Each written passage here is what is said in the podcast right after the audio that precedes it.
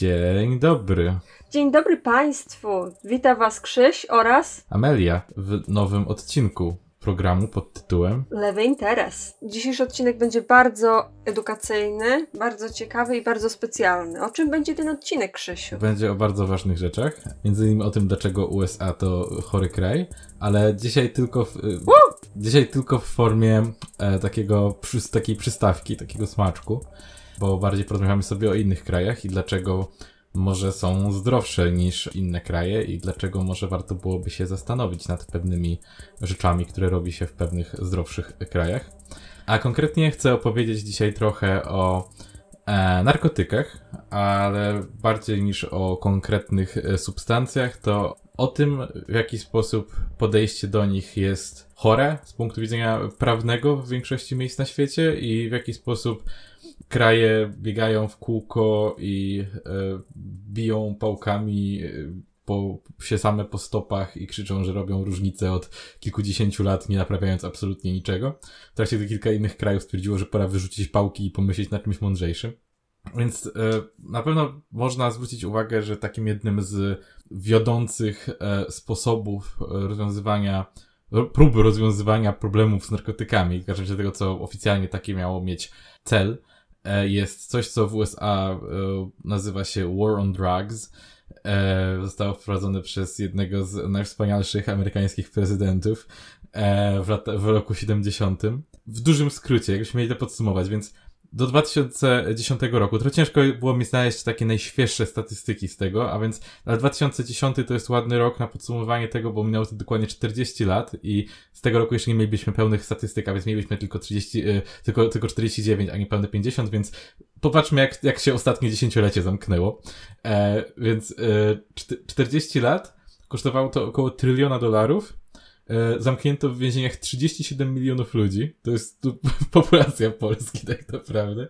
Za, e, znaczy to jest szacunkowa liczba, więc może być pewnie trochę w dół, trochę w górę, ale to są, to nie są totalnie szacunki wyjęte, nie wiadomo skąd są konkretne badania naukowe, które, e, które, które kilka podaje bardzo zbliżoną liczbę około 37 milionów. Za nieagresywne przestępstwa związane z narkotykami, za posiadanie i zażywanie, nie za rozbój pod wpływem, nie za kradzież w celu zdobycia, to wszystko jest poza tą liczbą. 37 milionów milionów za samo posiadanie, z czego znaczna y, część to są użytkownicy marihuany w ogóle. E, z których dużo do dzisiaj siedzi z jakimiś absurdalnymi wyrokami, nawet w Stanach, w których marihuana jest już legalna. Szacuje się też, że na przestrzeni tego czasu trzymanie tych ludzi w e, więzieniach to był koszt 450 miliardów dolarów. Samo trzymanie ich w więzieniach. E, dodatkowo można zwrócić uwagę, że w tym czasie E, w Stanach jest totalny kryzys więziennictwa, mnóstwo ludzi siedzi w niehumanitarnych warunkach, dlatego że nie ma dla nich miejsc, dlatego są wykorzystywani do pracy, żeby jakoś to finansować.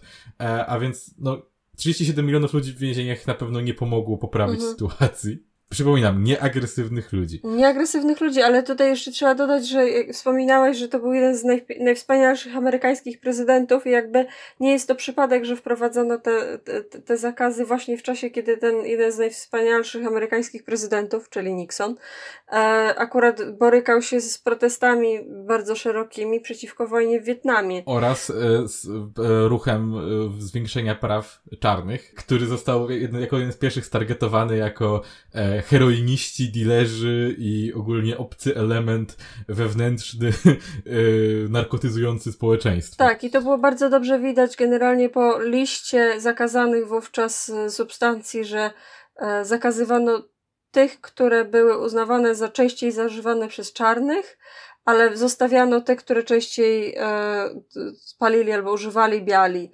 Więc na przykład halucynogeny, takie jak LSD, jeszcze w tym momencie były legalne, e, dopiero później zostały zakazane, e, bo jakby uważano, że biali to, to biorą, więc może nie trzeba ich tak znowu mocno karać, nie? E, jakby to bar bardzo dobrze widać we wszystkich statystykach, że jakby to, to jest coś, o czym myślę, że warto wspomnieć, bo potem będziemy mówili o innych systemach, w których tego elementu na taką skalę aż nie ma, ale to bardzo w oczywisty sposób widać w historii amerykańskiej i, w, i we wszystkich statystykach, że te zakazy miały bardzo konkretny cel dojebania czarnym. No i biednym też przy okazji, jako collateral przy damage. Okazji. E, trzeba zauważyć, że do dzisiaj są miejsca w Stanach, w których na przykład może dostać 16 razy wyższy wyrok za posiadanie i użytkowanie kraku niż za kokainy w formie sypkiej, mimo że to jest dokładnie ta sama substancja aktywna, ale kokaina w formie sypkiej jest droga i biorą ją głównie bogaci biali ludzie.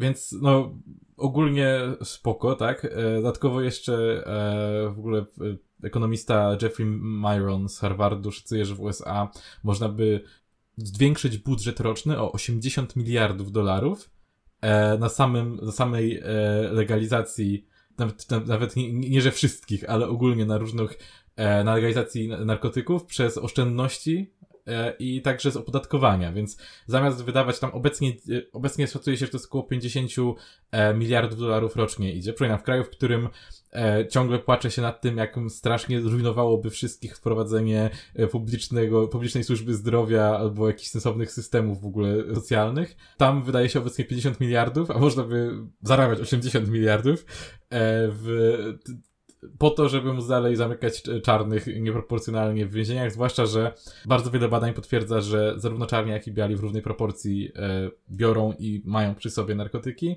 ale czarni są wielo, wielokrotnie częściej e, zatrzymywani, przeszukiwani, łapani i zamykani, a także jak są złapani, e, są bardziej karani.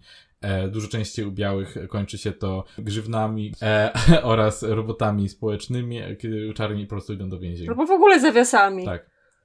Tymczasem, Portugalia po upadku reżimu, po rewolucji goździków, e, dość mm, wpadła w taki specyficzny tryb, jaki wpada dużo krajów, które po okresie izolacji otwierają się na, na otaczający ich świat i jednym z elementów tego stał się problem z narkotykami. E, w Portugalii rzeczywiście w pewnym momencie do, doszło do takiej sytuacji, że e, około 1% społeczeństwa zażywało heroinę. To jest absurdalnie duży jak na tak ciężki narkotyk. E, były rejony, w których to było się jeszcze intensyfikowało i naprawdę były po prostu całe dzielnice, gdzie no to było po prostu jak taka zaraza trawiąca społeczeństwo, właśnie uzależnienie, które, które dopadało ludzi i to przychodziło tak E, było strasznie dewastujące. Bardzo szybko się pojawiło i bardzo mocno uderzyło zarówno społeczeństwo, jak i no, w efekcie gospodarkę kraju, który właśnie próbował sobie jakoś tam stworzyć na nowo. E, I nie było za bardzo jakby ogólnych instytucji, które wiedziałyby, jak, co z tym zrobić. Nie było praktyk, nie było e, wiedzy, nie było e, po prostu zaplecza takiego na to. Pierwszym, co oczywiście próbowano zrobić, to kampania strachu, więc e, robili, e, padały hasła typu, w sensie od rządowych agencji typu heroina to diabeł i jakieś takie inne próby e, przekonania ludzi przez zastraszenie, które oczywiście w ogóle nie skutkowały. Hmm. E, ale zaczęły pojawiać się e, ruchy dość mocno oddolne. E, ośrodki próbujące, próbujące rozwiązywać te problemy i, I z czasem udało się rzeczywiście zacząć wprowadzać dość e, sensowne polityki na, na, na, ten, na ten temat. E, to jest e, trochę politycznego zamieszania, które ostatecznie skutkowało w tym, że w 99 przedstawiono taką ideę państwowego podejścia do problemu, które wcześniej, które wynikło w dużej mierze z takiej, z takiego zmerdżowania się e, wielu oddolnych jednostek i agencji, które robiły tego, tego typu rozwiązania w taki ogólnopaństwowy system, który w 2001 roku wszedł w życie.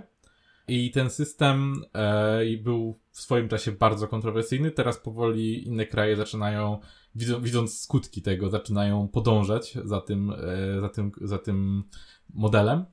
I ten model opiera się o dość ciekawe założenia. Jednym z nich jest na przykład to, że nie istnieje podział na narkotyki twarde i miękkie. To jest coś, co wiele krajów na przykład nie może przeboleć i nawet jak zaczyna dekryminalizować część narkotyków, to dekryminalizuje na przykład marihuanę, ale heroina dalej pozostaje kryminalizowana, co jest problematyczne, bo większość przedawkowań śmiertelnych jest od heroiny i od podobnych narkotyków a w momencie, w którym one są ciężko nielegalne, to znacząco zmniejsza liczbę ludzi szukających pomocy, dlatego że ludzie się boją po prostu. A nawet liczbowo, jak widzimy na, na, na przykładzie Stanów Zjednoczonych, więcej jest obecnie przedawkowań legalnych opiatów, legalnych środków e, przeciwbólowych, które po prostu ludzie do, dostają przy każdej możliwej okazji e, na receptę, mm. E, niż na taką nielegalną heroinę. więc jakby to, to tym bardziej ten podział absolutnie nie ma sensu. I tak, e, kolejne takie założenie, które się pojawiło, to jest to, że zażywanie jakiegokolwiek narkotyku nie może skutkować karą więzienia, że po prostu nie ma takiej, takiej idei, że bierzesz na, jakiś narkotyk i o, ten narkotyk jest tak, tak, taki, że za niego idziesz do siedzieć, za niego nie. Po prostu za, założono, że za narkotyki, zabranie narkotyków nie idziesz do więzienia. O ile sprzedaż i produkcja mogą skutkować wyrokami więzienia, to zażywanie nie. I kolejnym takim elementem tej zmiany, który jeszcze potem będę o tym wspominał, dlaczego jest bardzo istotny najprawdopodobniej, jest to, że e, problem z narkotykami był tak społecznie przesunięto jego percepcję, o ile na początku, o ile kiedyś normalnie po prostu używało się ich określenia na, no, podobno najczęściej słyszanym słowem było po prostu ćpun na tego typu problemy, których było wtedy bardzo dużo. Teraz dużo częściej usłyszy się o ludziach, którzy E, o ludziach chorych na uzależnienie. Jakby zmieniono bardzo język, w jakim się o tym mówi i to rzeczywiście zostało podchwycone, chociażby dlatego, że e, właśnie ten problem był bardzo wszechobecny. Praktycznie był taki okres, gdzie się, gdzie się mówi, że no, każda rodzina w jakiś sposób doświadczyła e, uzależnienia od ciężkich narkotyków i i gdy każdy z, tych, każdy z tych ludzi miał okazję zaobserwować, jak zmiana podejścia na ich bliskich wpłynęła na ich osobiste życie, e, nastąpiło pewnego rodzaju przesunięcie właśnie e, w postrzeganiu tego. E, I tak, e, można, za, zaobserwowano chociażby to, że właśnie przez to przesunięcie e, postrzegania z problemu kryminalnego na problem taki społeczno-zdrowotny i przez właśnie dekryminalizację, jest, zauważono bardzo silny spadek zażywania narkotyków przez nieletnich. E, zauważono, że zarażenia chociażby HIV spadły, od, od narkotykowe spadły ze 104 przypadków na milion osób, które były w 2000, 2000 roku, do 4,2 na milion w 2015. Ze 104 do 4. E, więc to jest, to jest solidny spadek. I obecnie jest to, o ile kiedyś byli wysoko powyżej średniej e, uzależnień i zarażeń, teraz są poniżej średniej we wszystkich tych statystykach praktycznie. Du dużo, mniej, dużo mniej osób e, umiera przez przedawkowanie, dużo mniej osób, i, a też dwa razy więcej osób uzależnionych szuka pomocy i rzeczywiście ta pomoc dostaje. To też jest bardzo dobry wynik, że dwa, dwa razy więcej niż średnio e, ludzi, którzy są uzależnieni, szukają tej pomocy. I tak, głównym założeniem, które wprowadzono, jest e, redukcja szkód. E, w ogóle e, całą tą rewolucję poprowadził w dużej mierze e, João Golin, to jest, on, on był człowiekiem, który zajął się tym tak, zajmował się tym w sumie trochę od dołu przez długą część swojego życia, po prostu był lekarzem, który, do którego zgłaszali się ludzie uzależnieni i próbował rozwiązywać te problemy. I jego podejście do bardzo wczesne było takie, że trzeba właśnie każdą sprawę rozpatrzeć osobiście, zobaczyć, co się temu, temu człowiekowi dzieje w życiu i to jakoś rozwiązać. I właśnie często szukał pomocy u innych instytucji, szukał pomocy u rodziny tego człowieka, jak można mu pomóc. I, i, i, i jak stał się koordynatorem państwowym do spraw narkotyków, zaczął rzeczywiście wprowadzać tą swoją wizję w życie. Na przykład właśnie tym głównym założeniem jest redukcja szkód. E, to jest termin, który ogólnie funkcjonuje w, jako jedno z podejść do rozwiązywania problemów narkotykowych i to opiera się o zapobieganie uzależnieniom, o rozwiązywanie problemów społecznych, które korelują z uzależnieniami, między innymi o rozdawanie na przykład strzykawek, które swoją drogą chociażby w Stanach jest bardzo silnie sprzeciwia się bardzo wiele e, organizacji rozdawaniu strzykawek, bo uważają, że jak człowiek dostanie za darmo strzykawkę, to pierwsze co zrobi, to znajdzie heroinę i sobie wbije w żyłę. E, serio są tego typu głosy, że to zwiększy zażywanie narkotyków tylko tego, że masz strzykawkę. Tymczasem badania jednoznacznie pokazują, że dostęp do wymiany, wymiany strzykawek zmniejsza wszystkimi chorobami, a w żadnym stopniu nie zwiększa uzależnień i w ogóle nawet zażyć, bo no jak można się domyśleć, człowiek dostając strzykawkę, człowiek, który planuje zażyć heroinę, nie ma takiego problemu, Boże, gdzie ja znajdę strzykawkę, tak? I jeżeli dostaniesz strzykawkę, to raczej nie myślisz, no kurde, tylko heroinki mi brakuje. No więc e, ogólnie strasznie durna jest ta narracja, ale istnieje, jest, e, nawet ostatnio w Polsce e, była taka sytuacja, że gdzieś rozdawali jakieś e, przed jakimś klubie rozdawali e, próbniki, żeby, żeby można było sprawdzić sobie, czy drink, do drinka ktoś czegoś nie wrzucił. I też widziałem już jakiś, jakiś prawicowy publicysta to tak przekręcił, że rozdawali y, zestawy do brania narkotyków, bo mu, się, bo mu się pomyliło i właśnie krzyczał między innymi o tym, że strzykawki i teraz każdy może sobie wstrzykiwać wszystko i Oni się naprawdę zachowują, jakby problemem było zdobycie strzykawki. To nie to jest problemem. No nieważne. W każdym razie tak, więc redukcja szkód. E, I tak, i osoba, która zostaje złapana z narkotykami, może, może zostać postawiona przed komisją, która składa się z e, lekarzy, pracowników społecznych, czasem też policji, e, ale na ogół jest to mieszany zespół. I e, taka komisja zajmuje się ocenieniem, jakby czy ta osoba znajduje się w trudnej sytuacji i że to jest uzależnienie, czy to jest problem, zostaje poinformowana o możliwościach leczenia uzależnień, ale to jest istotne, jest poinformowana. Nie ma czegoś takiego, w każdym razie ogólnie nie istnieje takie raczej założenie, żeby człowieka zmusić, żeby tak jak może być w wielu krajach, że człowiek zostaje skazany na, na, na e, odwyk. Założenie jest takie, że e, że to też jest potwierdzone, potwierdzone licznymi e, badaniami i po prostu no, doświadczeniem państw. E, ludzie zmuszeni do odwyku bardzo rzadko pozostają czyści. E, na ogół człowiek wraca do uzależnienia, jeżeli, jeżeli przez, w żadnym momencie nie chciał tego zrobić sam z siebie, a co dopiero, kiedy to jest narzucone mu przez państwo, przez policję. E, a więc założenie jest takie, że człowiek ma wiedzieć, że jest możliwość sięgnięcia po pomoc i ma tego sam chcieć po prostu. Powstają ośrodki, w których można dostać zestawy do zażywania narkotyków, są specjalnie do tego cięte foliki, podgrzewacze, strzykawki, po prostu można to dostać, ale w tych samych ośrodkach można też zapisać się na terapię, e, między innymi na terapię, e, w tym leczenie wspomagane heroiną, e, metadonem albo innymi środkami, które zastępują.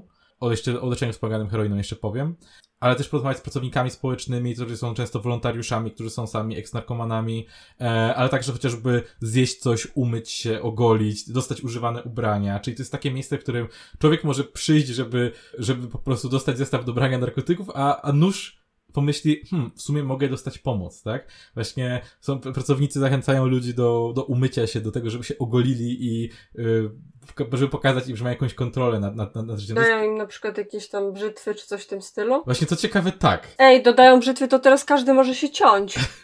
no tak, no bo jak wiadomo, głównym problemem e, osoby, osoby, która się nie tnie jest to, że nie może dostać brzytwy, którą mogłaby się pociąć, co nie? No, więc... Dokładnie. E, więc tak, więc właśnie jest to rozwiązanie takie bardzo proludzkie. Są też ośrodki, w których można się zapisać, e, można dostać skierowanie od lekarza i dostać się do dość, dość, jest dość sporo ośrodków takich stawianych e, na taką terapię odwykową już bardziej. I takich ośrodków się stawia dość dużo, dość niedużym kosztem. Tam się od kilku do kilkunastu osób naraz przebywa na takich krótszych, powiedzmy, terapiach odwykowych, podczas których daje się im różne zajęcia artystyczne, ale też odizolowuje się od ich, od e, ich telefonu i kontaktów, przy czym to zawsze jest dobrowolne. Człowiek zawsze może wyjść ale jest po prostu motywowany do tego, że jak tam jest, to na przykład właśnie nie kontaktuje się ze światem, bo jest ta idea, że e, właśnie e, chociażby takie było założenie, że bardzo często uzależnienie jest wynikiem e, niezdrowych relacji z innymi ludźmi, a więc jeżeli masz mieć ciągle tą relację, która będzie cię rozpraszać od procesu leczenia, no to po prostu ci się to nie uda. I żeby się tam dostać, e, wystarczy skierowanie od lekarza lub terapeuty tak naprawdę. I to też to jest coś, co też można dostać na przykład pod takiej, od takiej komisji, która cię zatrzymuje za posiadanie narkotyków. Jest właśnie, więc jest podjęte dużo takich kroków, żeby rozwiązać ten problem, e, rozwiązać właśnie prawdziwy problem, a nie narkotyki, które od tego, uzależnienie, które w wyniku tego problemu się pojawiło. E, nawet właśnie e, w jednym artykule, który czytałem na ten temat, padło takie fajne stwierdzenie któregoś z działaczy, którzy uważają, że powinno się pójść o krok dalej, że są za legalizacją pełną, a nie dekryminalizacją. Oni tłumaczyli właśnie, że Osoba, która bierze narkotyki, nie ma problemu. Problem z narkotykami masz wtedy, gdy pojawiają się w wyniku twojego zażywania prawdziwe problemy. To też była ciekawa filozofia.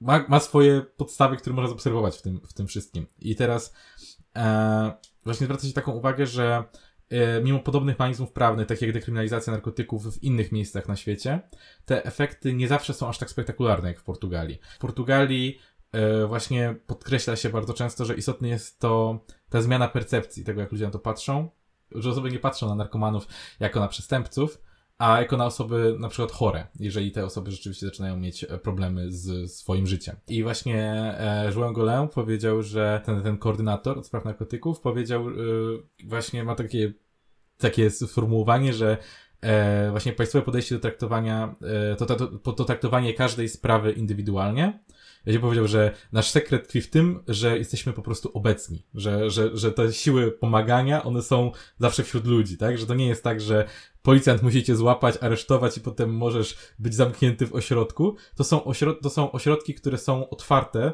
każdego dnia, y, każdego dnia roku od 8.30, nieraz o 7.30 rano na osiedlach różnych i to jest coś, gdzie po prostu możesz przyjść i porozmawiać z pracownikami i dzięki temu to nie jest właśnie szpital, do którego cię zamykają i tak dalej. To jest takie poczucie, że, że ta pomoc tam jest i możesz przyjść i ktoś może ci pomóc, tak? Na przykład może zaczynasz e, brać coraz więcej narkotyków, bo straciłeś pracę i e, po prostu nie radzisz sobie z życiem, a tam możesz pójść, tam możesz dostać porady zawodowe, tam możesz dostać porady odnośnie, to możesz dostać nowe ubrania, które pozwolą, pozwolą ci sprawić, że będziesz wyglądać lepiej i może dostaniesz jakąś robotę chociażby. Bo to jest też coś, o czym e, dość często się, się mówi właśnie w kontekście takiej alternatywnej pomocy osobom chociażby bezdomnym, że bardzo często, że bywa, że ludzie stają się bezdomni dlatego, że stracili pracę, dlatego, że na przykład z powodu braku pieniędzy stracili zęby i i tracą pracę, bo się gorzej prezentują i mają nagle statystycznie dużo większą szansę stracenia roboty przez, e, przez to, że wyglądają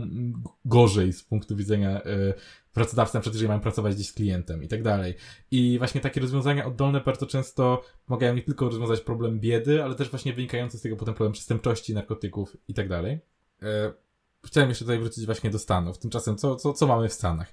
Dla, sam, sam przykład od 1970, czyli od początku War on Drugs 2008, e, śmiertelne przedawkowania wzrosły dwunastokrotnie. I tutaj zwraca się uwagę na to, że y, właśnie narkotyki, zwłaszcza w Stanach i w innych krajach, w których walka z narkotykami jest tak silna, narkotyki bardzo szybko rosną na mocy. Moc narkotyków wzrasta i to jest efekt, który jest obserwowany przy każdej prohibicji, co było przy na przykład alkoholu. Moc wzrasta jakość spada, ceny rosną i rośnie przemoc związana z handlem, dlatego że następuje kartelizacja.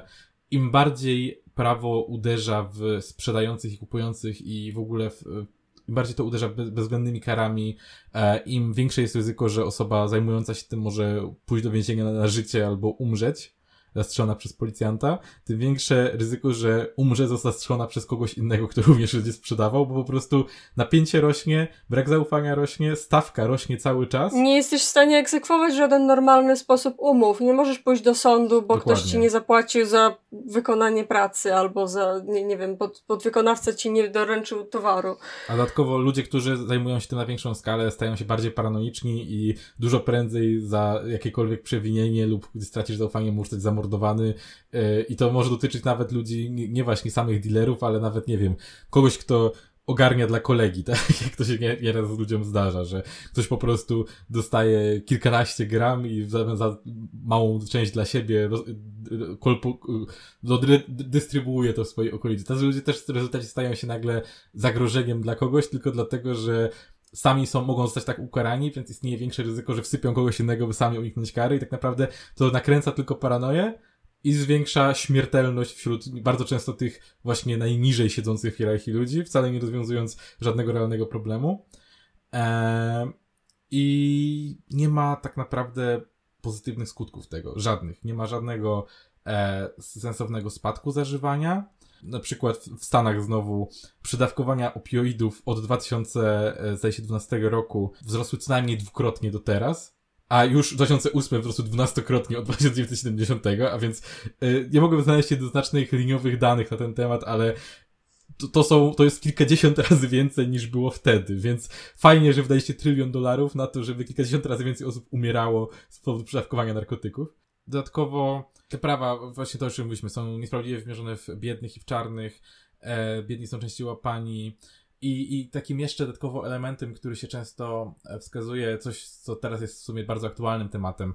W Stanach jest coś takiego, że policja jest ekstremalnie zmilitaryzowana tak naprawdę. Mamy, jest, jest mnóstwo dowodów na to, bo są na przykład szkolenia, których, podczas których się policjantów nakręca, że są wojownikami, że mają być gotowi zabić w każdej chwili, jakieś takie podejście właśnie, że, że nie chodzi wcale o ochronę ludzi, nie chodzi o porządek, chodzi o to, że jesteście jedynym, co stoi między porządkiem a totalnym y, rozpierdolem i jesteście jedyną nadzieją, więc musicie być gotowi zabijać. I uważa się, że jednym z głównych elementów tej właśnie militaryzacji, głównych przyczyn tej militaryzacji jest właśnie war on drugs, że e, przez to, że to zwiększyło też bardzo dużo brutalnych przestępstw związanych właśnie z działalnością głównie e, karteli narkotykowych e, i też przez takie pokazywanie, to sprawiło, że zaczęto pokazywać narkomanów jako groźnych, Mm, ludzi, którzy w każdej chwili cię zamordują, żeby zdobyć narkotyki i tak dalej. A to z kolei nakręciło właśnie obraz e, policjanta jako takiego strażnika porządku, który musi być gotów zastrzelić tego złego narkomana i tak dalej. I niestety widać, że w takich krajach i w ogóle w takich kręgach, w których poparcie dla takiego podejścia jest wciąż takie duże, nie ma za bardzo refleksji na ten temat. E, podejście jest takie, no dobrze, no to po co oni brali te narkotyki? Albo e, jak ktoś ma, jak ktoś ma problem, to jak ktoś ma mało pieniędzy, to czemu wtedy wydaje te pieniądze na narkotyki? I jest tylko ciągle obwinianie coraz bardziej jednostek, którym, które dostały po dupie od życia i które dostają po dupie od systemu, który zamiast im pomóc, kopi ich jeszcze mocniej. I jest utwieranie się w przekonaniu, że po prostu no najwyraźniej to są jacyś gorsi ludzie i, i po prostu tak, tak już jest, podjęli złe decyzje i ciągle podkreślać ten element złych decyzji, że to jest właśnie indywidualne, nikt ci nie kazał brać narkotyków, to są indywidualne decyzje, to jest tak częsta gadka, kiedy słuchać o, o, o, o właśnie ludziach, którzy są uzależnieni. E, to samo jest przy zresztą alkoholikach, że zawsze się mówi o tych, że to po prostu podjął tę decyzję, jest wielu innych biednych ludzi, którzy tego nie zrobili, ale nie patrzy się na to, że jednak niby indywidualne decyzje, ale państwowe systemy, takie jak w Portugalii, sprawiają, że dużo mniej te indywidualne decyzje osób podejmuje. I może jednak, nawet jeżeli to jest w jakiś sposób indywidualna decyzja, moglibyśmy postarać się zastanowić, jak możemy wpłynąć na ludzi, by tych decyzji takich nie podejmowali, skoro wiemy już, że istnieją sposoby, by to zrobić.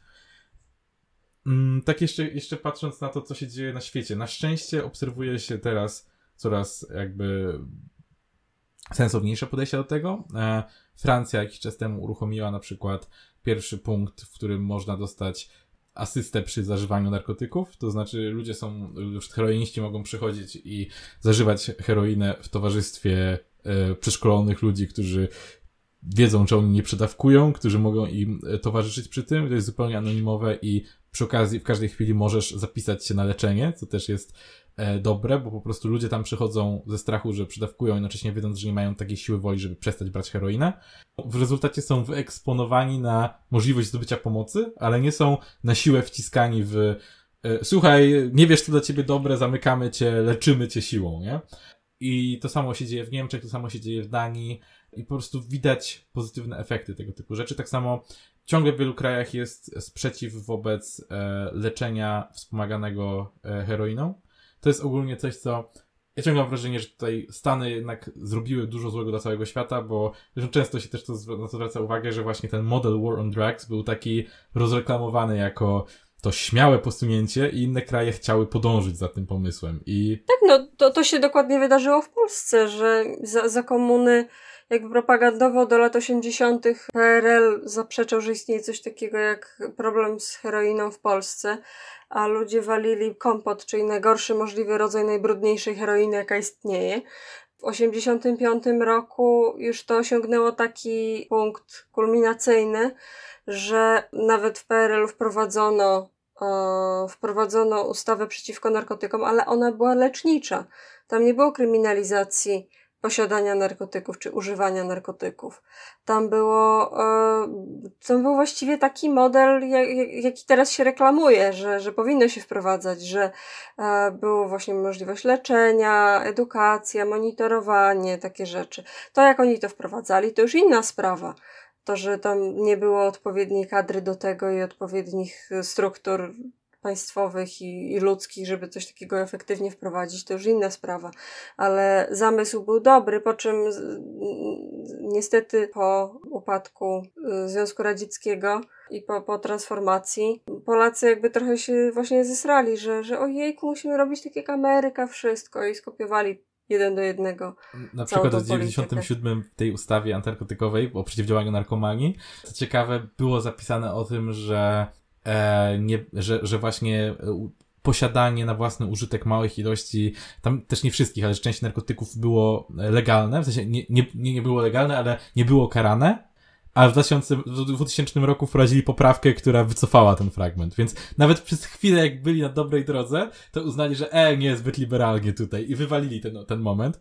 W 2011 chyba wprowadzili znowu to, że przy małej ilości e, chyba, chyba tylko marihuany nawet, ale nie wiem, czy w ogóle rekreacyjnych narkotyków, e, można odstąpić od wymierzenia kary. ale to nawet to jest tylko to, że sędzia może z własnej woli odstąpić. Nie ma jakby żadnej prawnej, prawnego obowiązku odstępywać, a przy okazji odstąpienie od, od wykonania kary wciąż e, nie jest tym samym, co taka czysta dekryminalizacja tego. No i przy okazji były już przypadki, w których e, sędziowie się deklarowali, że no jakby to było 0,1 grama marihuany, to by wybaczył, ale jeden to już e, nie tylko na użytek własny, ale pewnie jeszcze na handelek i tego typu rzeczy.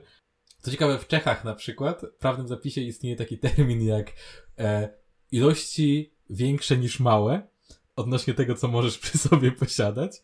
I w pewnym momencie e, wprowadzono przepis, który miał to, interpretację przepisu, która podała dokładną listę, ile gramów czego można było mieć. Co ciekawe, można było mieć chyba nawet półtorej grama heroiny tak o przy sobie i nie mieć za to żadnego problemu. Tam było, że chyba do dziesięciokrotności zwyczajowo używanej, yy, używanej działki przez jednego człowieka ale potem uznano, że ten przepis w sumie to jest jakby nieobowiązujący i niepełnomocny i to znowu sędziowie mają teraz prawo jakby interpretować to według własnej woli zupełnie, przy czym w większości przypadków wciąż korzysta się z tych, z tych dawniejszych zapisów, tylko jakby one nie mają już takiej mocy prawnej, jak miały przez jakiś czas.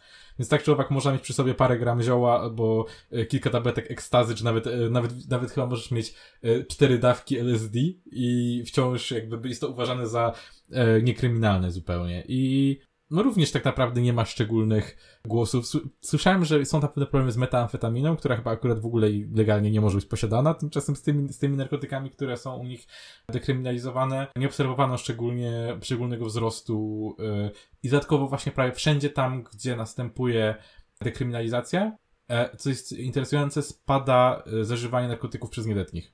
Nie, nie, nie, udało mi się ustalić do końca, jaka jest tego jednoznaczna przyczyna, ale jest taka zależność i to jest dość e, ciekawy też efekt, taki, może powiedzieć, uboczny. Swoją drogą to jest ciekawe, że e, w Polsce się nie przyjęła w ogóle metamfetamina. W ogóle to nie jest, czasem słyszę, że ludzie na to mówią metaamfetamina. To nie jest metaamfetamina, to nie jest jakaś zmieniona, poddana metamorfozie amfetamina to jest mm, amfetamina z grupą metylową, dlatego się nazywa metamfetamina. I, I, jakoś tak się złożyło, że właśnie na, w Czechach i na Słowacji jest bardzo popularna i właśnie w Stanach jest też popularna tak samo jak, jak amfetamina, a w Polsce jest kompletnie nie, nieznana, jakby nie wiem, nigdy nie słyszałam, żeby ktoś miał problem z metamfetaminą w Polsce. Mhm. Ale chyba my sprzedajemy, nie? my, my, po, polska metamfetamina jest y, jakby, my jesteśmy eksporterem, a nie importerem e, metamfetaminy. Z tego miejsca chciałbym zaznaczyć dla powodów legalnych, y, my chodziło nam o naród i kraj, a nie o lewy interes. Prosimy nie pisać w tej sprawie do nas, ani nie wysyłać do nas smutnych panów nad ranem. Proszę wysyłać ich do mnie. Dobrze, ewentualnie Amelia zaprasza, ale, ale ja wolę nie. I tutaj w sumie trzeba pochwalić Polskę w, e, i polskie podejście do problemu narkotykowego w jednym, bo mamy co prawda mnóstwo debilnych założeń, mamy absurdalnie twarde wyroki za posiadanie i użytkowanie. Nigdy nie zapomnę, jak kiedyś e, gadałem z dziewczyną z Francji, będąc w Hiszpanii, która powiedziała o swoim e, wielkim strachu, że zostanie przyłapana z jointem, będąc w Hiszpanii, bo są bardzo ciężkie kary. I ja się pytam, wow, jak, jak ciężkie? Ona mówi, że można dostać mandat nawet 50 euro. I sobie pomyślałem, że no, tu mamy trochę inną, inne postrzeganie tego, co jest ciężką karą za bycie przyłapanym przez policję z, z jointem. Bardzo, bardzo mi się to spodobało. W każdym razie w Polsce używa się e, terapii wspomaganej, e, znaczy leczenia wspomaganego heroiną. To jest e, coś, co właśnie wciąż w wielu krajach spotyka się z oporem. U nas udało się to wprowadzić. Przy czym mam wrażenie, że u nas w ogóle nie bardzo istniała jakaś głośna dyskusja na ten temat i może dlatego udało się uniknąć jakiegoś oporu społecznego, bo wiem, że w wielu krajach jest to temat takiej bardziej publicznej debaty i po prostu wychodzi taka trochę niedoinformowana opinia na to, że o, czyli po prostu będziemy dawać heroinę narkomanom z naszych podatków, a za moje podatki jebane nie roby i, i włącza się typowy e, gniew e, podatnika. A prawda jest taka, że jest jakby bezsprzecznie skutecznym leczenie e, wspomagane heroiną. Przy czym używa się tego terminu, to, to jest taki e, bardziej, bardziej szeroki termin. E, tymczasem nie zawsze jest to heroina, często są zamienniki tak naprawdę, inne opioidy na przykład, właśnie tutaj jest metadon między innymi, jest, jest parę innych środków, których się używa jako zamienników. I chodzi o to, że po prostu jest bardzo niski, e, niska skuteczność terapii takiej odstawieniowej zupełnie, w której po prostu człowiek schodzi z dnia na dzień. To jest raz, że bardzo wyniszczające dla ciała osoby, która długo zażywała, ale przede wszystkim jest po prostu nieskuteczne. To jest traumatyczne przeżycie dla narkomana, który potem chce wrócić i zażyć znowu, bo, bo przeżył coś traumatycznego. Tymczasem właśnie e, leczenie wspomagane e, środkami e, jest e, skuteczne. Po prostu jest jednoznacznie, przynosi pozytywne efekty, dużo lepsze niż, niż, niż takie chłodne odstawienia. I w Polsce rzeczywiście można dostać takie leczenie. Chyba nie korzysta się raczej z czystej heroiny, korzysta się z jej właśnie pochodnych różnego rodzaju, ale to wciąż jest tak naprawdę stosunkowo postępowe, bo właśnie w wielu krajach jest to postrzegane jako coś nieodpowiedniego. Nie wiem, to jest, to jest, i to moim zdaniem ciągle wynika właśnie z tego, że narkotyki są dla tych gorszych ludzi, a my im mamy dawać coś za darmo i ludzie na to tak patrzą, zamiast patrzeć na to, że jest to po prostu potwierdzone rozwiązanie poważnego problemu, który, no, który po prostu może dotknąć każdego i który, który dotyka się społeczeństwa. I właśnie, o właśnie, to jest też ciekawa rzecz, właśnie sam, sam już kilkukrotnie wspomniany w tym odcinku e, Joan Golem powiedział, że jego zdaniem nie udałoby się wprowadzić tych wszystkich reform, nie udałoby się ich utrzymać przez e, rotującą parokrotnie władzę bardziej konserwatywną i bardziej liberalną, która w e, tym kraju i pro, progresywną, która w, e, która w Portugalii się wymieniała przez od 2001 roku.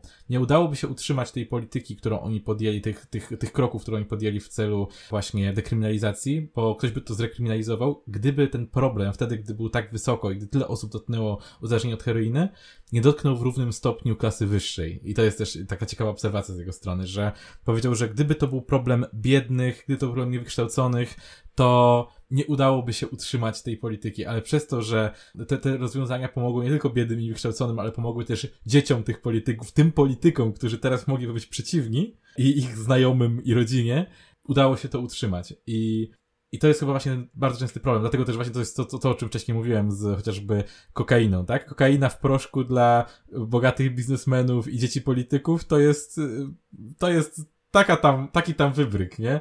Ale y, ta sama substancja w postaci kraku dla, dla biednego, o, jesteś po prostu społecznym zerem, szkodnikiem, trzeba cię zamknąć i, i ukarać za to, że to zrobiłeś. I to jest takie właśnie myślenie, znowu klasistowskie, w którym e, tak długo jak problem jest problemem biednych, jest kwestią ich osobistych e, wad, którzy, które też pewnie z perspektywy osoby e, rządzącej umieściły te osoby w tej klasie niższej, ale w momencie, w którym problem zaczyna dotykać też bogatych i tych lepszych e, w, w, kraju, nagle jest to problem, który solidarnie musimy się zmierzyć i musimy wprowadzić jakieś, jakieś zasady, które pomogą nam problem rozwiązać. Mhm.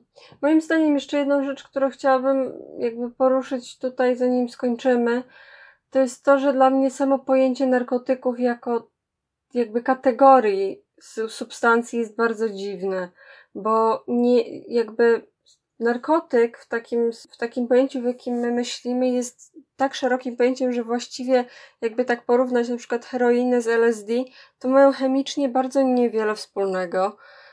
Bardzo niewiele, jeśli chodzi o, o mechanizm działania tych, tych substancji, jest podobne. I, I przede wszystkim nie są równe pod względem tego, jak są szkodliwe dla człowieka, który je bierze. A Bar nawet jakie mają społeczne następstwa, nie? Jakie zażywanie długotrwałe ma społeczne następstwa dla typowego użytkownika. Też się różnią ekstremalnie nieraz, tak naprawdę. No dokładnie i dla mnie na przykład trochę mnie dziwi, że nawet w takiej woke dyskusji jakby ludzi, którzy wiedzą, że narkotyki wcale nie są wszystkie jakby diabłem i szatanem, nawet w tych dyskusjach jakby mówi się o tym, że to są narkotyki.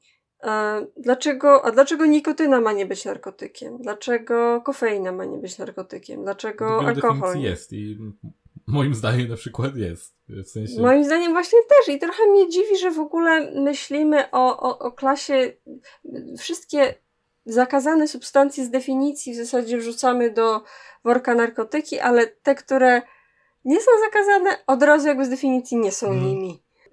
To jest strasznie taki legalistyczny sposób myślenia o, o, o, czymś, co według mnie powielane przez nawet ludzi, którzy powinni wiedzieć lepiej. Więc jakby, nie wiem. Tak, zamiast patrzeć po prostu, że substancja psychoaktywna, to mamy taki podział substancja, substancja psychoaktywna i nielegalna i z tego powodu na pewno bardzo zła.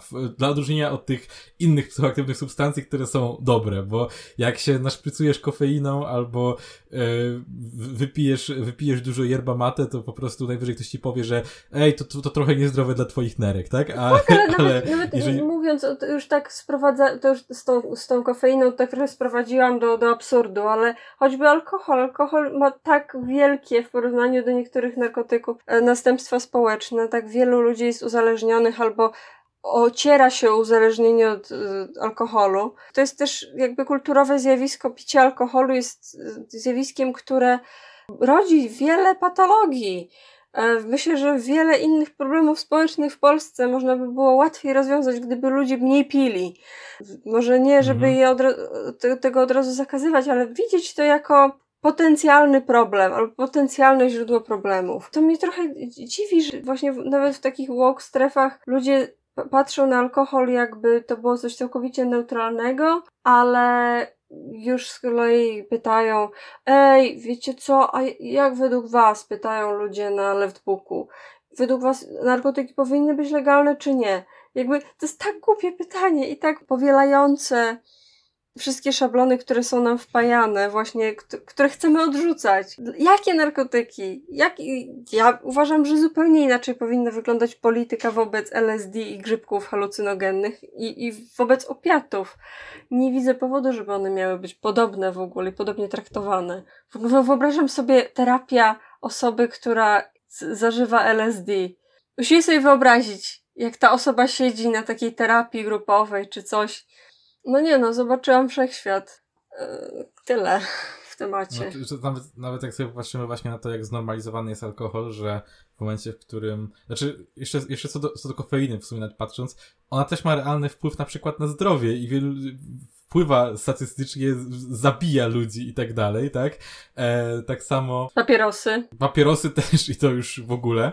Ale jak patrzymy sobie na alkohol, jest coś takiego w naszej kulturze i mówię tutaj nawet konkretnie o polskiej kulturze, ale ogólnie o zachodniej kulturze, powiedzmy, posteuropejskiej, niech tam będzie, ale i w innych miejscach na świecie, ale załóżmy tak typowo w Europie, niepicie jest odstępstwem od normy w pewnym sensie.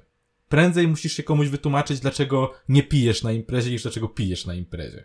I człowiek pod wpływem alkoholu dosłownie zmienia swoje zachowanie, zmienia swój charakter, zmienia się jego percepcja, ma dziury w pamięci.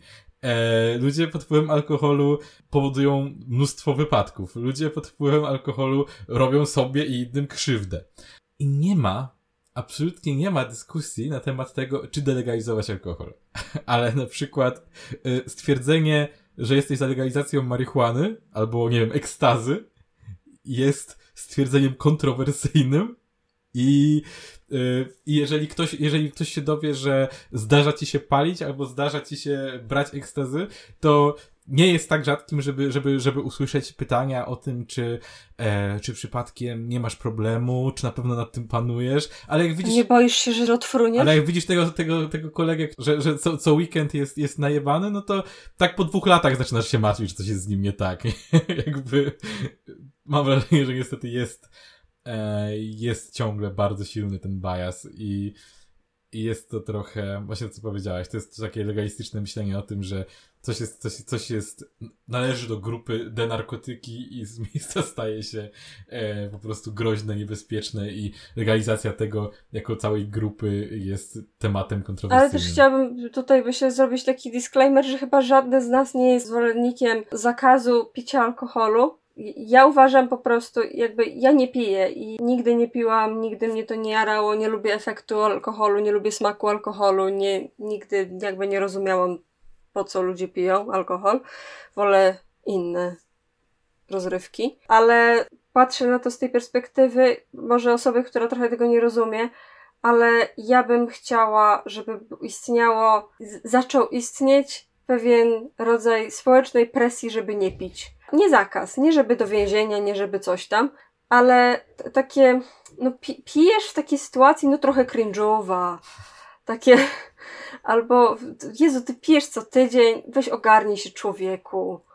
albo ja bym powiedzmy tutaj trochę to zmodyfikował o, o może podejście upijasz się, to trochę cringe'owe, bo na przykład ja muszę przyznać, że nie wiem, no tutaj mówię, mam swój, swój własny interes w takim interpretowaniu tego. Ja na przykład bardzo lubię smak niektórych piw. Po prostu lub, lubię piwo i szczerze mówiąc podejrzewam, że to jest dla mnie przyjemnym ten stan po wypiciu piwa albo dwóch w większej przestrzeni czasu, kiedy czuję się lekko podchmielony. Na przykład osobiście nienawidzę być pijany. To jest jedno dla mnie najgorszych rzeczy. Ostatni raz taki byłem pijany, pijany to pewnie, nie wiem, na początku samym studiów i od tego czasu, no, na przykład, nie wiem, nie, nie rozumiem picia wódki na przykład, bo uważam, że smak jest obrzydliwy, a efekt jest tylko taki, że szybko czujesz się źle. E, jeden z najgorszych dla mnie... Pijesz benzynę i masz grypę żołądkową w ciągu 15 minut. Brawo. Takie najgorszych dla mnie wspomnień odnośnie doświadczeń e, takich cielesnych to jest leżenie na plecach i czucie helikoptera tak zwanego. To jest po prostu, po prostu stwierdził, hmm, dzisiaj chcę mieć objawy grypy żołądkowej, tak? E, no, no, nic fajnego. Ale jednocześnie muszę powiedzieć, że lubię, lubię poczuć się trochę właśnie, że siedzę sobie jeszcze z, ze znajomkami, nie wiem, gramy w planszówki, wypiłem sobie dwa piwa albo trzecie pod koniec wieczoru, jak to już któraś godzina leci, żeby właśnie utrzymać sobie taki stan. Może też jest kwestia tego, ja na przykład osobiście, wiadomo, pewnie zdrowszym byłoby, gdybym nauczył się e, lepiej sobie radzić w kontaktach międzyludzkich, ale wierzę, że dużo ludzi ma pewne opory przed przebywaniem w sytuacjach społecznych i właśnie ten lekki efekt alkoholowy może tutaj pomagać, może dawać ci pewne plusy z tego, że, że człowiek przestaje się tak bardzo stresować, że właśnie pewne spowolnienie myśli sprawia, że na przykład człowiek nie wpada w taką pętlę autofeedbacku, w której ciągle roztrząsa, czy przypadkiem nie wygląda głupio, albo że jego głos źle brzmi, albo coś.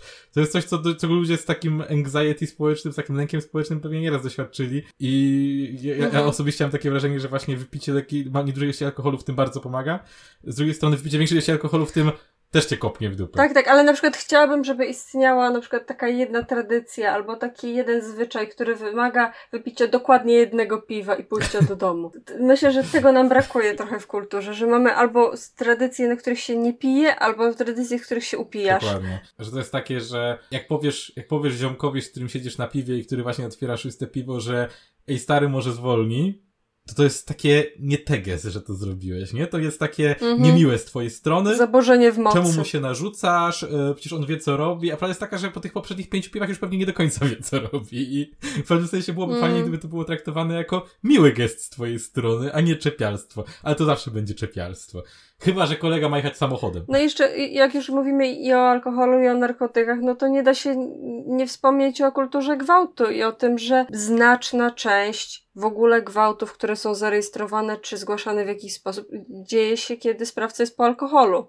Czasem również ofiara ale jakbyśmy chcieli zaradzić kulturze gwałtu, to musielibyśmy wprowadzić może nie prohibicję, ale jakiś element społecznego nacisku pod pewnym, kulturowego nacisku, żeby nie pić tak dużo. Żeby nie tracić kontroli nad sobą i tak Trochę dalej. w poprzednim odcinku mówiliśmy o, o okienku Overtona, że zawsze trzeba przejść trochę za bardzo, żeby uzyskać ten efekt, który jest dla ciebie akceptowalny. Musisz cisnąć w efekt, który jest ekstremalny, żeby spotkać się z generalnym dyskursem gdzieś w połowie. I myślę, że jakbyśmy zaczęli mieć jakąś grupę ludzi, która absolutnie bezwzględnie shaminguje ludzi za picie jakiejkolwiek ilości alkoholu, to ta grupka może byłaby trochę za bardzo fringe'owa, ale osiągnęłaby dobry efekt w, w, na dłuższą metę. Albo jakaś kampania na, na tej zasadzie, że jeśli nie możesz doczekać się końca tygodnia, żeby móc iść w tango i się upierdolić, to może masz problem,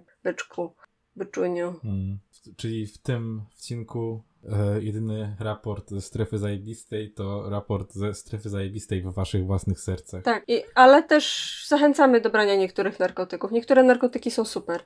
Zajebiste są. Ale nie alkohol. Ja nie jestem wielką fanką. Krzysiu jest. Ja, ja nie jestem. Ja jestem fanką innych. Nie, nie będę mówić jakich.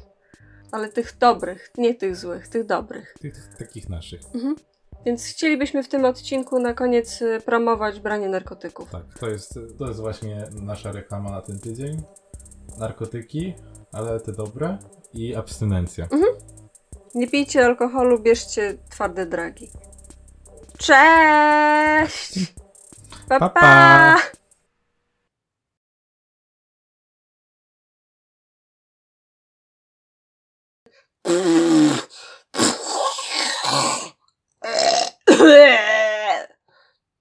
Dziękujemy, to był nasz komentarz wyborczy.